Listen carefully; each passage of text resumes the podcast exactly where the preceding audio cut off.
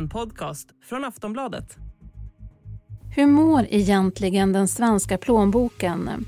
Konjunkturen faller, BNP faller och samtidigt så har vi hög inflation och stigande ränta.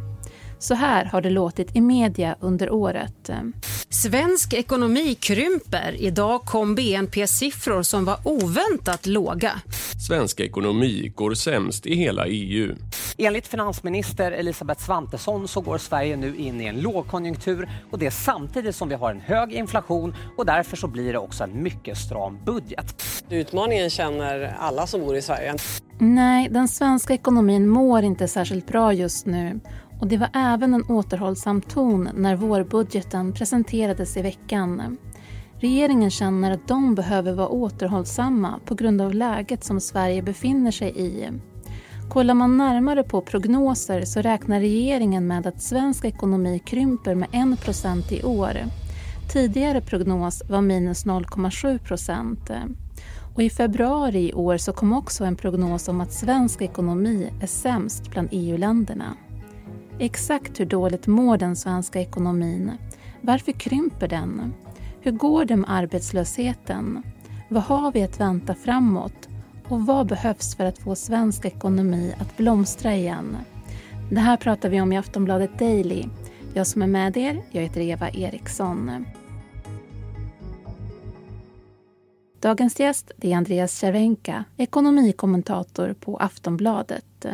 Eh, ja, det mår ju ganska dåligt ehm, eftersom vi är i ett läge där konjunkturen faller. BNP spås ju då sjunka eh, i år och det är ganska ovanligt att BNP faller. Eh, man brukar säga att en lågkonjunktur är om, om tillväxten går ner, alltså, men den håller sig över nollan. Så att BNP sjunker, men samtidigt har vi den här höga inflationen som gör att räntan stiger och ehm, regeringen känner inte att de kan stimulera ekonomin så mycket. Så att vi befinner oss i ett besvärligt läge. För regeringen räknar med att svensk ekonomi krymper med 1% i år och tidigare prognos var minus 0,7 procent. Är du överraskad över det här beskedet? Nej, det skulle jag inte säga. Tittar man på en del andra eh, ekonomer, bankernas ekonomer, så finns det flera som har varit mer pessimistiska om i år. Jag tror att Nordea till exempel spår ju nedgång på 2% alltså dubbelt så mycket. Så, att, så det är inte så förvånande. Och det har ju också kommit en del liksom negativa signaler från ekonomin och alla vet ju att eh, vi är ju väldigt pressade och, och liksom, nu kommer ju räntorna stiga ännu mer. Inflationen har inte gått ner som vi hade trott så att eh, det kommer bli ett väldigt tufft år. Så jag är inte förvånad. Men är det till och med så att svensk ekonomi är sämst bland EU-länderna så som EU-kommissionens prognos var inne på? De kom med sin prognos då i februari och då var ju Sverige det enda landet i EU där man spår krympande BNP under 2023. Eh, dessutom tittar man på deras prognoser för 2024 och jämför med regeringen så ser det ut som att vi kommer gå sämre än EU också eh, nästa år. Eh, så att det är ju liksom, vi sticker ju ut som ett land som har har det nästan allra tuffast just nu. Sen ska man komma ihåg att eh, vi följer mindre i, i pandemin. Det gick bättre för svensk ekonomi under pandemin i många andra länder. De har fortfarande lite grann att ta igen där. Men, men eh, den här ränte och inflationskrisen har ju slagit eh, hårdast mot Sverige. Vi har pratat lite grann, eller nosat lite på vad det här beror på, men varför krymper svensk ekonomi? Ja, men tittar man på siffrorna då i regeringens prognos, vad är det som drar ner um, BNP då i år, det är ju då hushållens konsumtion och det är inte så konstigt. Vi eh, då tampas ju med högre räntor, som liksom räntekostnader som kanske har gått upp två, tre, fyra gånger för många människor. Eh, ovanpå det då matpriser, el och så vidare. Eh, så den sjunker. Någonting annat som också faller ganska mycket är investeringar och det är mycket till exempel bostadsbyggandet som har då eh, bromsat upp eh, rejält. På grund av att bostadspriserna fallit och människor inte känner för att köpa någon bostad i dagsläget. Så det är två eh, stora tunga poster som faller ner. Och dessutom så tittar man på det liksom, man brukar kalla för offentlig konsumtion, det vill säga ja, men, vad stat och kommuner och regioner eh, konsumerar, den kommer också falla. Och det är ju lite ovanligt för oftast i lågkonjunktur så brukar man då försöka öka de offentliga investeringarna eh, för att motverka det här. Men det gör man ju inte nu därför att man, man tycker då att det kommer riskera att driva upp inflationen ännu mer. Det är ju de här prognoserna som kommer och så då.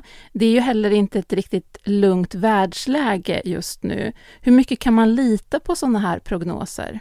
Nej, men det är klart att det, det, är osäkert och det såg vi bara för några veckor sedan när det skakade till i amerikanska banker att det kan ju hända väldigt mycket eh, saker som förändrar det här eh, till det värre och kanske också till det, till det bättre. Men tittar man på lite bakåt så har man ju, kan man ju se att många länder och även i Sverige har vi underskattat hur länge den här höga inflationen skulle bita sig fast. Eh, och det har blivit mycket värre än vad vi trodde för ett, ett år sedan. Så att eh, nu har det varit mycket liksom negativa överraskningar. Så det här kan ju bli betydligt sämre än vad man har sagt nu men i bästa fall så, så blir det bättre. Aftonbladet Daily är strax tillbaks och då ska vi prata mer med Andreas Cervenka.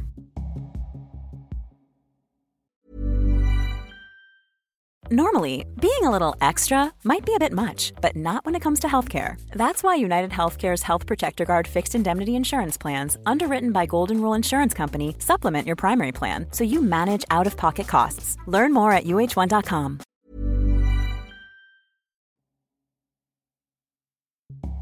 Att det då är tufft ekonomiskt eh, och utmanande. Eh, vad kommer det här att innebära för Sverige och för befolkningen? Ja, en sak som man då regeringen också då i sin prognos eh, pratar om är att arbetslösheten kommer stiga.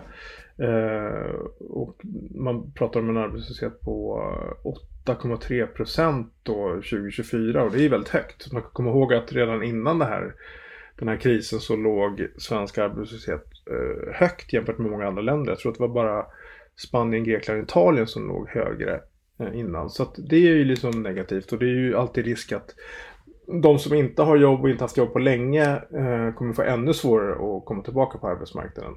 Så det är ett stort problem och sen är det klart att eh, ju längre tid det här eh, fortsätter så blir det ju kanske mer pessimism och då tar det längre tid innan eh, ekonomin vänder upp igen. Eh, vi har också rätt stora riskfaktorer i Sverige med liksom vår höga belåning, bostadsmarknaden men även eh, fastighetsmarknaden är en stor oro för många och det handlar om att de har tagit upp jättemycket lån för att köpa fastigheter och spekulerat i det. Eh, nu blir det tufft med de höga räntorna och ju längre tid den här perioden med höga räntor och hög inflation fortsätter desto större risk för att det blir någon, någon krasch där. Tror du att vi kan vänta oss en krasch? Det får vi se. Eh, jag tror att det blir ganska tufft för de här fastighetsbolagen om det här läget håller i sig. Eh, nu ska man komma ihåg att eh, som de flesta bedömare, även regeringen, spår ju att ah, men det blir tufft 2023, det blir lågkonjunktur. Man pratar ju om lågkonjunktur 2023, 2023 2024, 2025. Men man väntar sig ändå att inflationen ska falla tillbaka till någon slags normal nivå och då kan man också vänta sig att räntan börjar falla igen.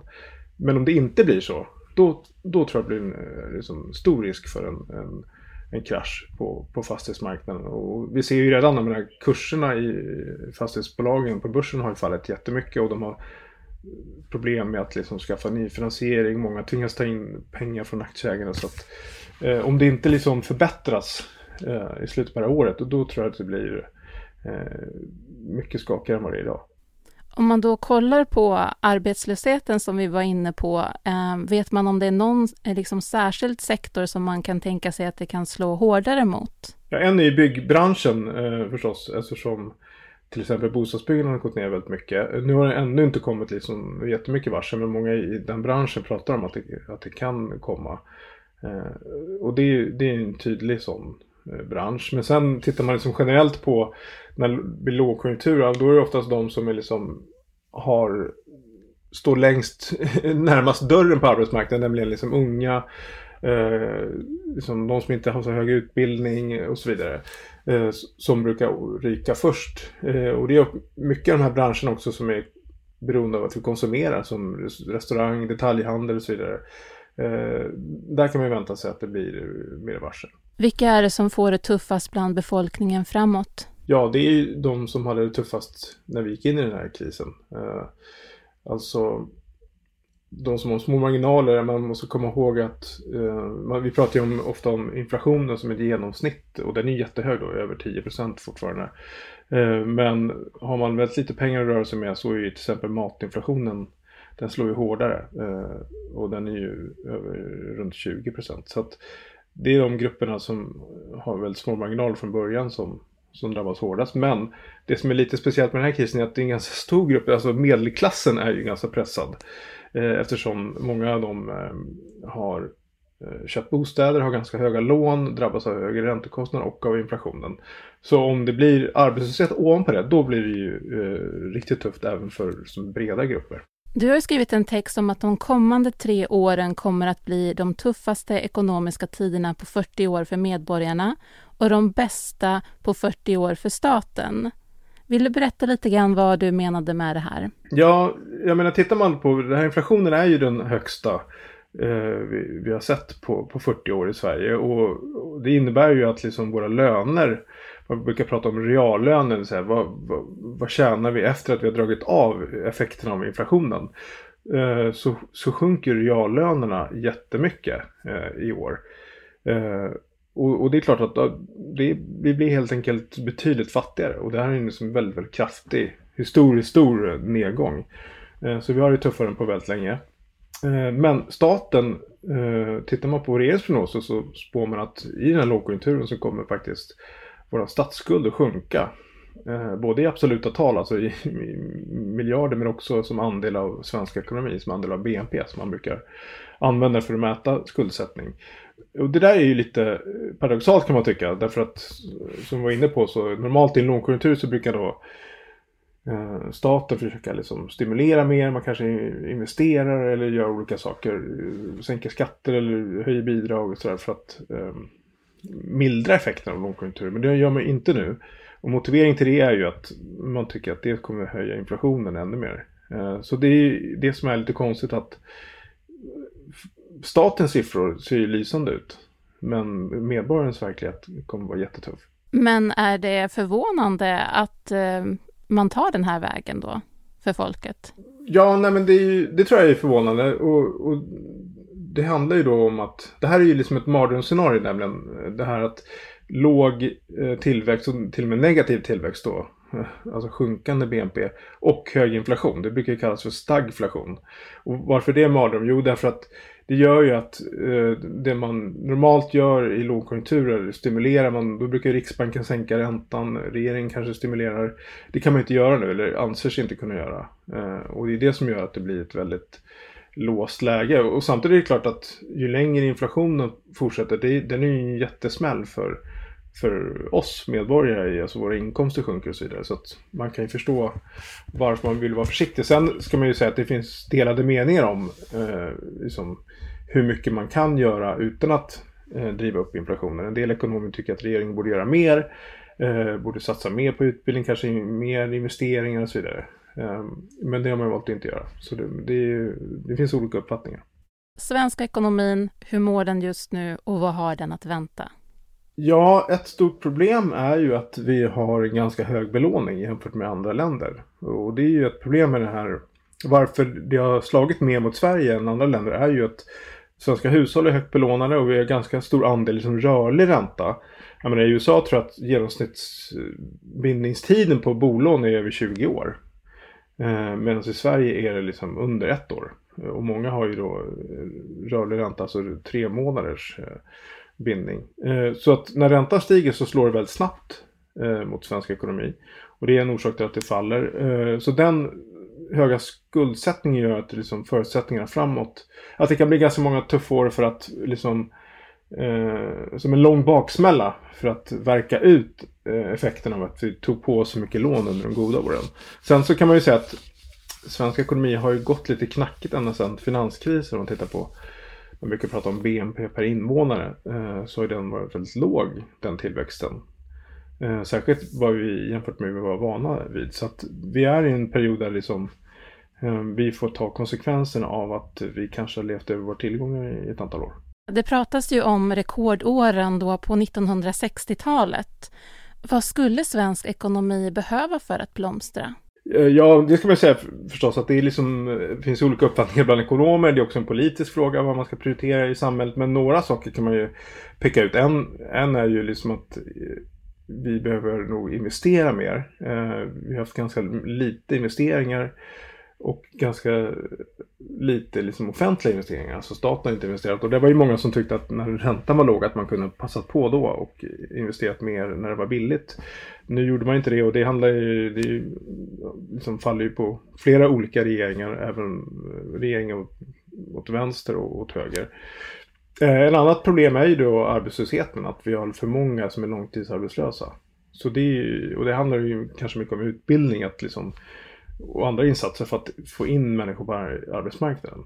Eh, för det är klart att det tynger ner ekonomin om det är väldigt många som går ut arbete. Både ekonomiskt men också liksom socialt ju. Eh, så det är väl några sådana eh, tydliga saker. Sen så måste vi kanske då försöka titta på det här med vår skuldsättning att vi har lite sundare balans framåt. Så att vi inte får en liksom överhettad bostadsmarknad och inte blir så känsliga för när räntan går upp. Det är väl några eh, sådana saker. Och det har man ju pratat om så beskattning och kanske fasa ut ränteavdraget och så här. Problemet är ju när det blir en sån här lågkonjunktur så, så anser man att det, är liksom, det är inte rätt läge att liksom förändra vårt beteende utan nu ska vi bara härda ut det här eh, tills det vänder upp. Nu får vi se hur länge den här lågkonjunkturen håller i sig. Det sa dagens gäst Andreas Cervenka, ekonomikommentator på Aftonbladet. Du har lyssnat på Aftonbladet Daily. Jag heter Eva Eriksson och vi hörs snart igen.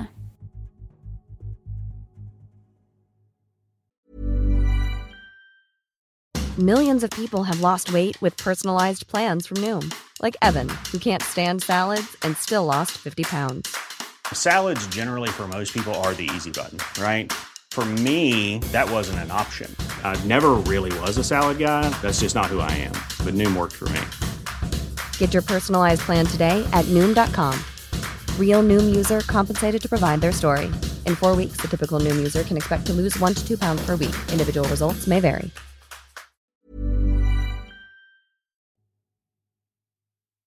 Du har lyssnat på en podcast från Aftonbladet.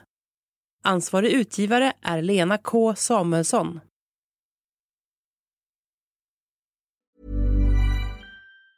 Tired of ads barging into your favorite news podcasts? Good news. Ad-free listening is available on Amazon Music for all the music plus top podcasts included with your Prime membership. Stay up to date on everything newsworthy by downloading the Amazon Music app for free or go to amazon.com slash news ad free. That's amazon.com slash news ad free to catch up on the latest episodes without the ads.